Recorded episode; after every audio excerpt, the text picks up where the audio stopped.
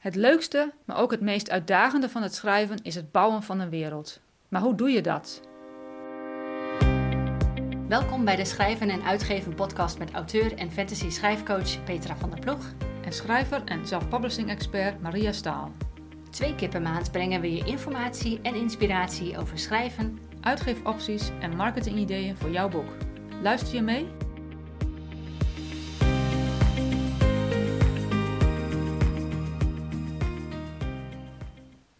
Hallo allemaal. Ik ben Maria Staal en het is vrijdag 12 november 2021.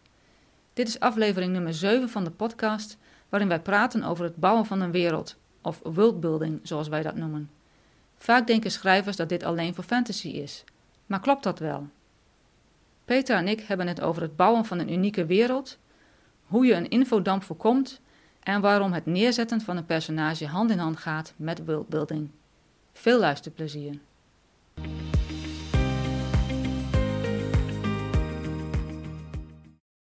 Nou, vandaag in de podcast gaan we het hebben over uh, de stelling. Dat is eigenlijk een stelling: is worldbuilding alleen voor fantasy?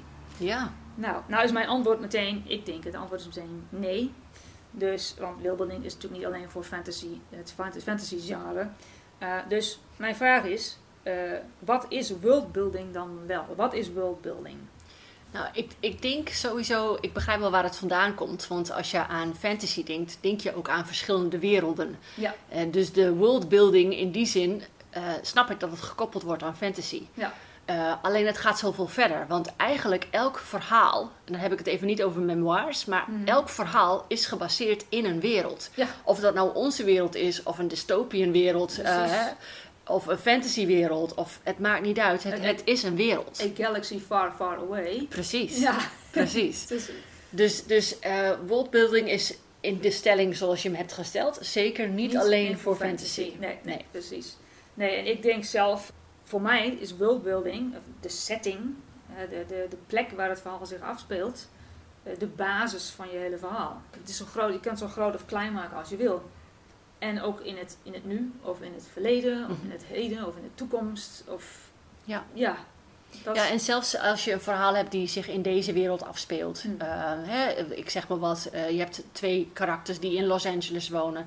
Um, dat is natuurlijk een bestaande plaats, dus dan heb je natuurlijk je research te doen. Ja. En toch is er ook een vorm van worldbuilding. Ja. Want het kan natuurlijk zijn dat je daar een, een, een café neerzet die Ja. niet in de oorspronkelijke Los bestaat. Angeles bestaat. Ja, ja, precies. En dan ben je alsnog bezig met worldbuilding. Het is En- veel kleiner. Het is kleiner, maar het, is- het blijft worldbuilding. ja. En wat ik het leuke vind van worldbuilding, want worldbuilding is natuurlijk superleuk, zelfs voor iemand die niet fantasy schrijft, zoals ik, is dat het een gigantisch creatief proces is. Ik denk dat worldbuilding is natuurlijk enorm creatief. Je kan er gewoon heel veel in stoppen, denk ik, van je eigen fantasie. Ja. Niet fantasie, maar fantasie kun je er gewoon in, kun je er gewoon in stoppen. ja. Dus dat, dat vind ik zelf heel erg leuk van, van worldbuilding. Ja. Dus, ehm, maar hoe doe je dat dan? Hoe bouw je een wereld? Wat, wat, wat, eh, ja, wat, wat, wat doe jij? Ja, dat is denk ik ook weer afhankelijk inderdaad of je in het genre schrijft fantasy of Mhm. in het genre van we hebben een, eh, een, een de- deze wereld zoals we hem nu kennen en we zetten het in een Los Angeles die we ook kennen. Ja, Ehm, daar hangt het heel erg van mee samen. Kijk, ehm, mijn verhaal bijvoorbeeld gaat over verschillende werelden. Dus ik doe niet alleen aan worldbuilding van eh, de, de, de wereld waar het hoofdpersonage vandaan komt, maar ik heb ook nog verschillende. oké. Ehm, en dat maakt het extra leuk en ook extra ingewikkeld. Want je moet Ja. wel weten wat, wat zijn de regels in één wereld en wat, is de regel, hè, wat zijn de regels in de andere wereld. Maar, dat is wat jij dus doet met, met jouw fantasy verhalen. Ja. Bedenk je ook zelf een taal of dat soort dingen? Of, eh, de- Nee, nee de, voor mij, dat is voor mij een beetje de, de, de, de, de, de Tolkien-stijl. Ja, Als je echt de elfentaal en dergelijke, dat vind ik... ehm, voor mijn verhaal vind ik dat niet, eh, niet geen toegevoegde nee, waarde. nee, nee. En dat is wel waar heel veel schrijvers die fantasy eh, schrijven eh, vaak de mist in gaan. Mm. Die denken worldbuilding, dan heb ik dus een speciale taal nodig. Ja. Dan heb ik speciale karakters nodig. Die gaan zo lang bezig met het worldbuilding dat het verhaal eigenlijk ondergeschikt wordt aan, Aan de wereld. De wereld, ja. En dat moet je niet hebben. Het verhaal moet altijd boven alles staan, want Precies. dat is de reden waarom lezers jouw verhaal gaan lezen. Die willen meegenomen worden. Ja, precies. Dus ook in de verhalen van Tolkien bijvoorbeeld, dan zie je ehm, de, de taal die de elfen spreken is echt ondergeschikt. Het is een, ver, een verrijking aan de wereld, maar het is niet. Um, het, het, zou prima verteld kunnen worden zonder. Ja. Nou, wat ik bijvoorbeeld laatst zag, um, de, de Star Trek televisieserie, het is ook een world natuurlijk. een hele bekende wereld die waar steeds op worden uitgebreid. Uh, ze hebben nu Star Trek Discovery. Dat is de nieuwste soort van incarnation van de Star Trek franchise. En ik heb ernaar gekeken en het begon meteen met uh, dat de Klingons, dus dat zijn aliens, alleen maar in hun taal aan het praten waren. Hmm. En oké, ik weet dat dat wel eerder, soms in de eerdere Star Trek uh, soorten waren er ook wel eens dat de Klingons een aantal woorden gebruikten, maar niet deze waren echt gewoon hele gesprekken en wat je dus voor mijn gevoel heel, heel duidelijk kon zien, dat die acteurs, die hadden, gewoon Amerikaanse acteurs, die hadden echt zoiets van, die moesten dus in feite een taal, want de Klingon is, in de, is een officiële taal, met, met grammatica en alles, die moeten dat dus gaan leren. En ook nog acteren. En ik, ik, ondanks dat ik, ik kan het niet verstaan, dus ik moest het ondertiteling lezen. En ik, het, was, het was voor mij zo houterig. Mm. Zo, ik denk van, oké, je hebt dus een wereld neergezet. Het is een bekende wereld. Je weet dat Klingons Klingons spreken. Maar het paste voor mijn gevoel er niet bij. Het was te veel. Het was te hmm. lang. Het, is, het was niet meer ondergeschikt. Nee, het maakte de boventoon eigenlijk. Ja, precies. Ja. precies. En eh, helemaal aan het eind van dat seizoen was eigenlijk dat de Klingons Engels begonnen te praten. Dat ze dat leerden. En ik denk van, dat had je eigenlijk na de eerste vijf minuten al moeten doen. Ja, ja. En dat, Is, dat, is, dat is, ja. En, en ik ben een gigantische Star Trek fan. Maar dat is een van de redenen dat ik niet in Star Trek, Star Trek Discovery kan komen. Gewoon dat, dat soort dingen. En denk dat is gewoon super jammer. Dat, je, dat je dan heb je die wereld wel gebouwd en je hebt er heel veel je best op gedaan en dan werkt het toch niet. Ja, maar ik denk dat je daarmee ook een beetje de connectie verliest met uh, de lezer of met in dit geval de kijker. Als jij je, je, je, hebt Star Trek op een bepaalde manier neergezet. Mm.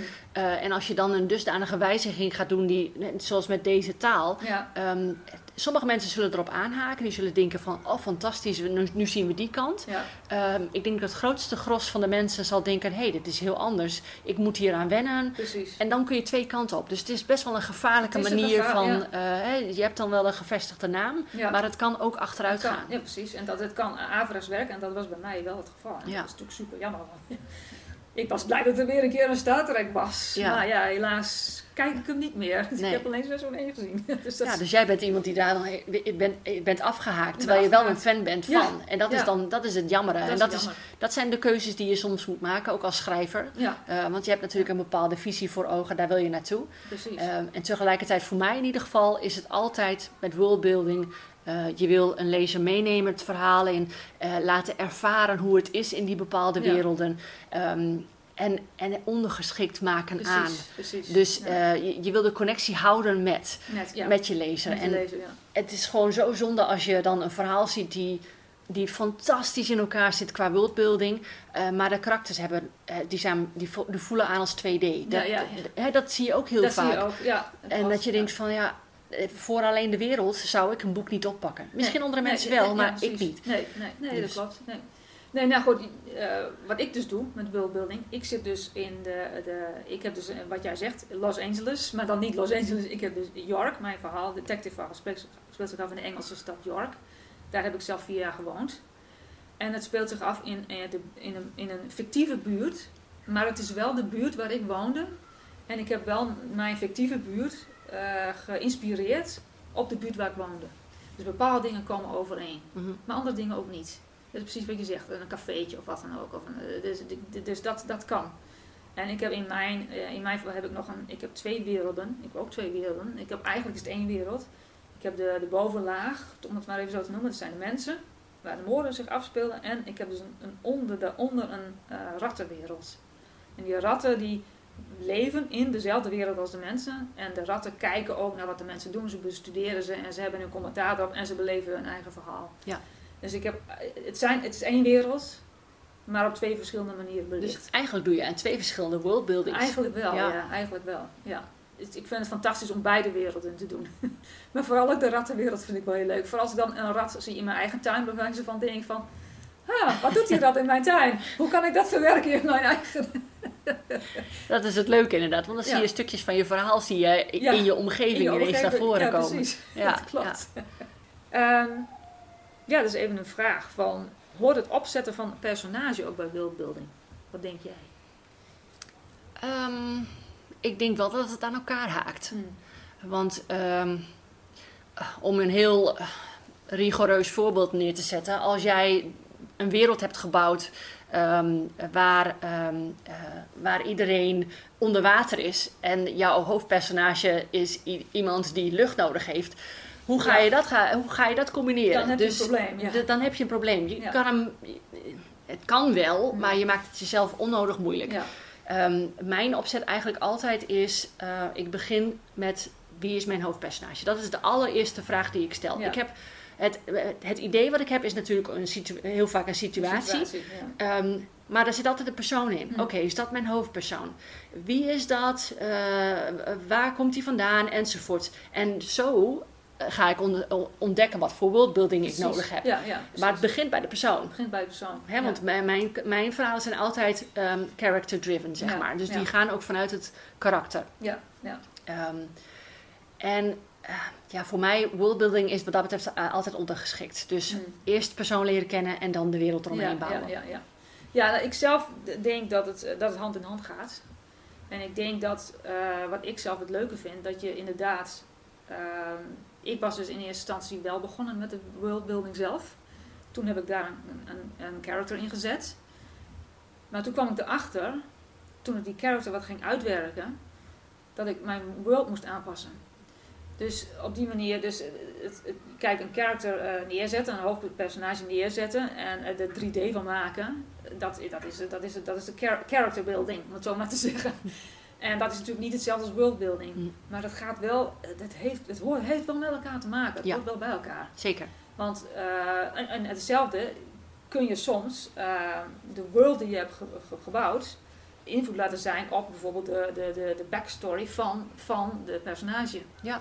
Dat kan ook. Dus het, zo kan het ook. Het heeft eigenlijk een, een wisselwerking. Ja. En, en wat ik dus echt. En, en ik zou het zelfs nog verder willen zeggen. Niet alleen hebben uh, uh, het, het, neerzetten van een goed 3D-personage en het bouwen van een wereld hebben met elkaar te maken en gaan hand in hand. Maar plotten gaat zelfs ook daarmee hand in hand. Zeker. Het, is, het, is, dat, het gaat allemaal tegelijkertijd op. En dat is ook denk ik wat je soms ziet, wat, je, wat jij al zei van uh, mensen zijn zo gefocust op het bouwen van een wereld dat ze vergeten om het verhaal te gaan bedenken. Mm -hmm. En uh, dan kun je dus niet meer, je, je, je, je gaat niet, en op het moment dat je gaat plotten, of misschien wel niet, maar als je wel gaat plotten, dan blijkt dat je je wereld moet veranderen. Mm -hmm. Of uh, het verhaal klopt niet meer, of het verhaal past niet, of wat dan ook. En dat gaat, bij mij gaat het altijd heel erg hard in hand in hand. Ja. Ik heb, ik heb, ik heb een, een, kleine wereld gebouwd in eerste instantie. En dat is door het plotten en door de character building is dat enorm uitgebreid ja. geraakt. Ja. Maar volgens mij is dat ook de manier waarop je uh, waarop je gaat schrijven. Want je begint altijd heel klein. Ja. Je ziet dat ook bij als je uh, J.K. Rowling bijvoorbeeld ziet hoe zij de Harry Potter wereld heeft gemaakt. Zij heeft zoveel informatie over die wereld. Lang niet alles is in de boeken terechtgekomen. Nee, nee, dus het is ook belangrijk als schrijver zijnde dat je weet in welke wereld uh, je personages rondlopen. Ja. Um, en niet alles hoeft ook in het boek terecht te komen. Nee, maar het nee. gaat erom dat je het wil overbrengen als zijnde... het is een 3D-wereld. Precies. En dus dat je precies weet hoe alles werkt. Ja. ja. Het is eigenlijk de enige die precies moet weten hoe de wereld is... ben jij Ja. de schrijver. Ja. De lezer hoeft het niet allemaal te weten. En heel vaak kom je ook pas tot die eh, ontdekking als je al aan het schrijven bent. Um, en als je al met je plot bezig bent. Ik heb bijvoorbeeld in mijn verhaal, omdat mijn personage naar meerdere, meerdere werelden ging... Mm. Ehm, zij is gewoon een normaal mens, net als jij en ik. Maar zij komt op een gegeven moment bijvoorbeeld ook in een wereld waar het alleen maar zee is. Waar Ja. allemaal zeewezens zijn. Ja. Dat, op die manier daag je jezelf ook uit. Hoe ga ik dat aanpakken? Ja. Hoe zou ik als mens dat aanpakken? Precies. En dat, en dat heeft ook weer invloed over hoe je de wereld De vervolgens wereld. gaat inbouwen. Want het moet wel een uitdaging zijn, maar het moet ook haalbaar zijn. Dus, het, hè, dus eh, dat doe je ook met schrijven. Dus mijn schrijven, ja, precies. Dus, ja. Nee, dat klopt. En wat denk jij dat de, ik denk dat er valkuilen zijn. De worldbuilding heeft valkuilen. zeker. Wat, wat denk jij dat de valkuilen... Heb jij enig idee wat de valkuilen zouden kunnen zijn? Ehm, vanuit schrijver denk ik, ehm, wat ik ook heel vaak zie in schrijfgroepen, is dat mensen uh, die uh, bijvoorbeeld een fantasyboek aan het schrijven zijn, dat die zo vastlopen in alles duidelijk krijgen over de worldbuilding, dat dat hun tegenhoudt om te beginnen met Ja, schrijven. ja, ja, ja. Dat ze eigenlijk Tolkien als hun voorbeeld hanteren. Dat ze zo'n soort wereld willen neerzetten die gewoon zo dicht getimmerd is en zo goed in elkaar gezet is.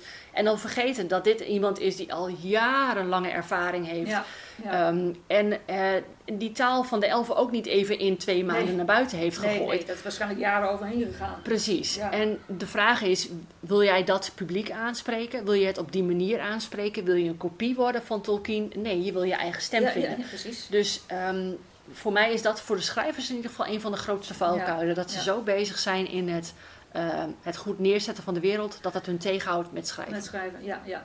Dat, ik denk dat dat inderdaad een belangrijke valkuil is. En wat, het, wat een, een valkuil die van mij betreft daarop aanhaakt, is op het moment eh, dat je dus eh, een hele gigantische wereld hebt gebouwd en begint te schrijven, dat je het gevoel hebt dat je ook die hele wereld meteen op de eerste pagina meteen alles moet vertellen over die wereld. De dus- infodump. de infodump. Ja. Dat, dat is, en dat geldt ook voor de character. Wat doet de character enzovoort enzovoort. Er zijn de twee, twee infodumps die je kunt hebben eh, over de character. Alle backstory van de character en alles. En de, en de familieleden en whatever allemaal. Wat hij allemaal heeft gedaan en uh, tegenslagen enzovoort. En, en de wereld infodump, zeg maar zeggen.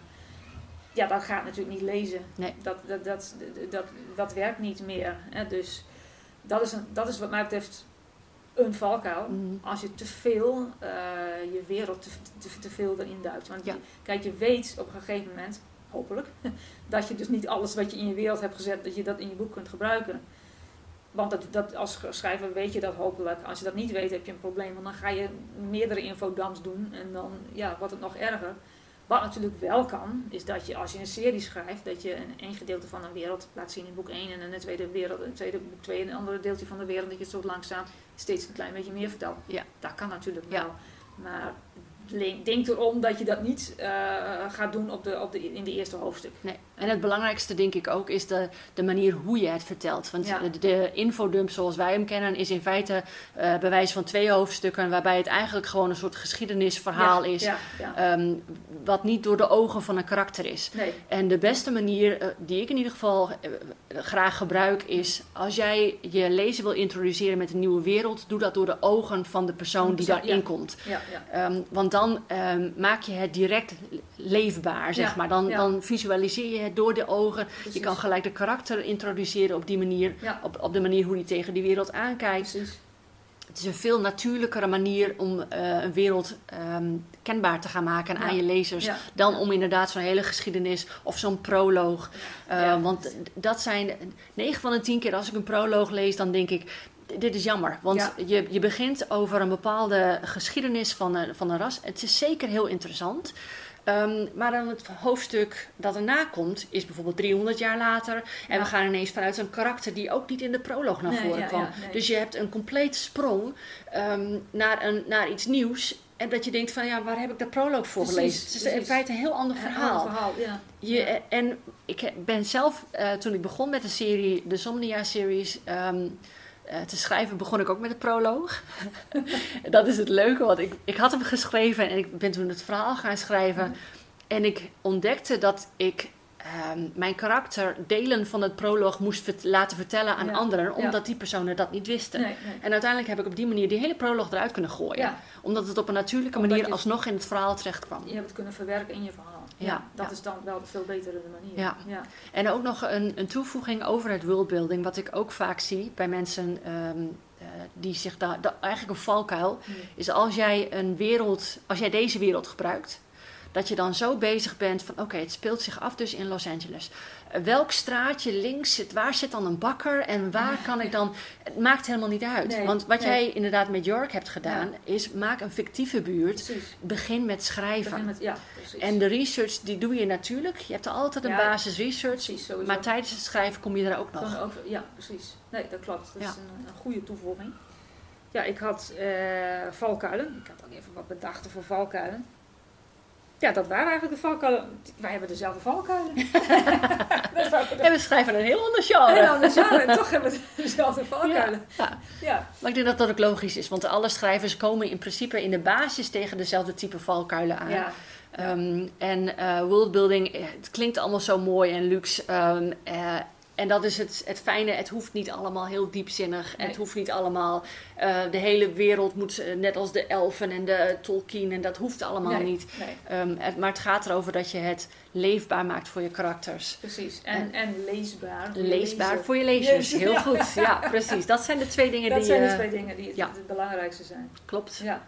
Heb je nog iets toe te voegen over worldbuilding? Want dit is wat, eigenlijk wel wat ik ik denk van ja, research is nog wel belangrijk. Ja. Dat, zeker, zeker als je, uh, wat ik uh, van plan ben met mijn serie. Mijn serie is negen, negen delen. Als het afgelopen is, het speelt zich dus af in York in een buurt. En ik heb dus een nieuwe serie bedacht die zich gaat afspelen 150 jaar eerder. Mm. Maar wel in dezelfde buurt. Dus eigenlijk die de geschiedenis van de buurt. Dat je, als je dat, die, die nieuwe serie gaat lezen, heb je eigenlijk een, een geschiedenis van de buurt zoals die is. Ja. En, maar daar moet ik natuurlijk research van gaan doen, want dat speelt zich af in 1980, of nee, 1880 of zoiets. Ja, dus, dus daar heb je de geschiedenisboeken... Daar heb je geschiedenis, geschiedenis research die je daarvoor moet doen. Ja. En ja, dat, dat heb je natuurlijk. Je hebt natuurlijk uh, present day, hè, gewoon, huidige. Daarvan moet je wat research doen, maar doe het niet te diep. Je hebt fantasy, sci-fi-achtige uh, worldbuilding.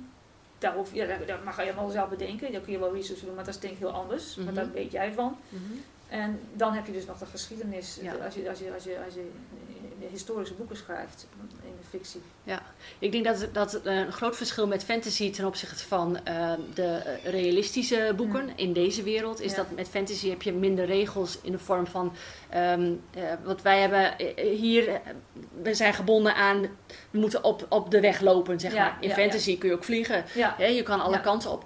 En dat tegelijkertijd zorgt ook voor, ja, je hebt alle kanten, je, je kan alle kanten op. Maar je moet wel zorgen dat je het ook eenvoudig voor jezelf houdt. ja, En ja, dat het, ehm, dat het eh, consequent is. precies. Want Ja. als de ene vliegt en de andere loopt en de andere... eh, d- dat kan, maar dan moet je wel een duidelijke uitleg voor jezelf hebben. Ja. Want het moet passen Het in moet je passen wereld. In je wereld, ja. ja. En ehm, ehm, dat is ook nog één dingetje waar ik nog op in wil haken. Als er schrijvers zijn die denken van...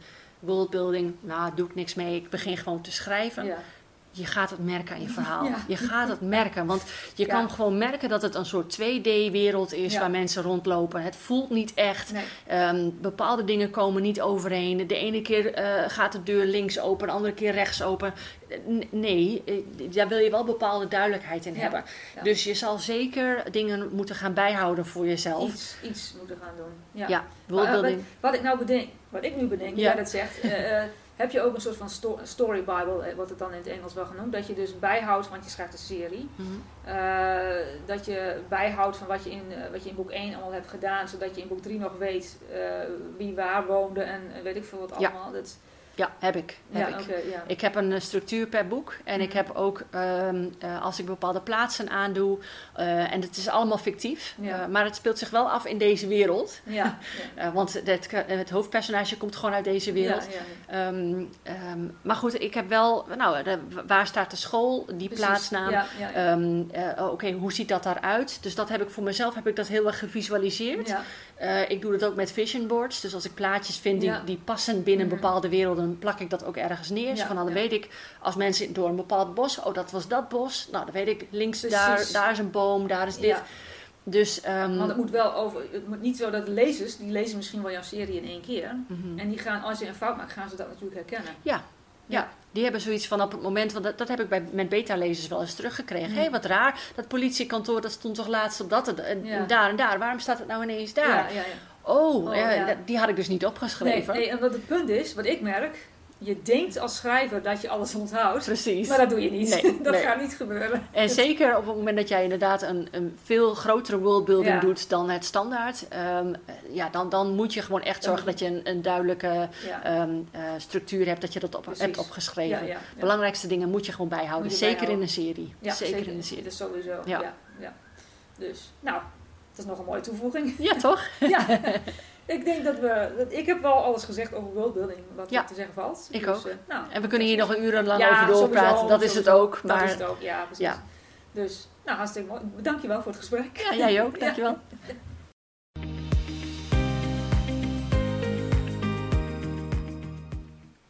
Als schrijver ben jij de eerste die door jouw wereld reist. Het is net alsof je op vakantie gaat. Bij terugkomst wil je vertellen wat je allemaal hebt gezien. Alles wat je toevoegt moet een verrijking zijn aan je verhaallijn. Een schrijfbijbel is daarbij je houvast. De volgende keer gaan we het hebben over platforms voor het zelf uitgeven van je boek. Welke zijn er allemaal en waarom zou je kiezen voor een buitenlands platform? We maken de verschillen duidelijk. Tot dan! Bedankt voor het luisteren. We hopen dat je het leerzaam vond. Meer informatie en inspiratie over schrijven vind je op Petra's website fantasyschrijfcoaching.nl. Wil je meer weten over uitgeven en marketing? Ga dan naar mariastaal.nl. Op beide websites vind je ook de show notes en de links naar eerdere afleveringen. Heb je een idee voor een volgend onderwerp? Stuur ons dan een berichtje. Tot de volgende keer!